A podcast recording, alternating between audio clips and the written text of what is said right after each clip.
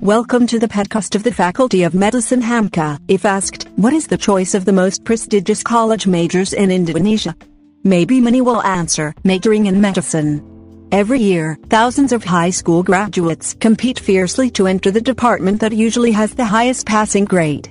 The motivation for high school graduates who want to enter medicine is not far from the following reasons. It's cool to be a doctor.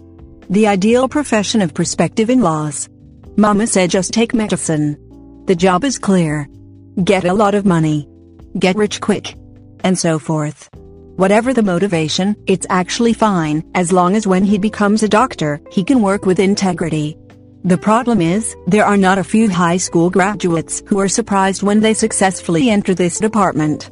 Because, lectures and the world of medicine are far different from what they imagined so far.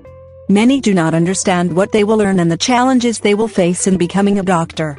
In some cases, there are those who become so depressed, lose their motivation to learn, cannot survive, and others. Of course, you don't want that fate. So, on this occasion Miman wants to share the ins and outs of medical lectures. This time, we will share the wrong views about the Department of Medicine.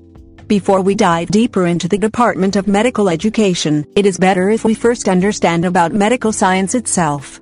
What is the difference between medicine and biology that we have studied in high school? According to Merriam-Webster, medical science is defined as the science or art involved in healthcare, as well as the prevention, treatment or management of disease. From the words health and disease, we can conclude that there are certain factors that can be affected by this health and disease, namely the human body, in other words, medical science is the study of the workings of the human body, its equilibrium, the factors that can interfere with this function and equilibrium, and how to maintain and restore these imbalances and dysfunctions to normal function and equilibrium.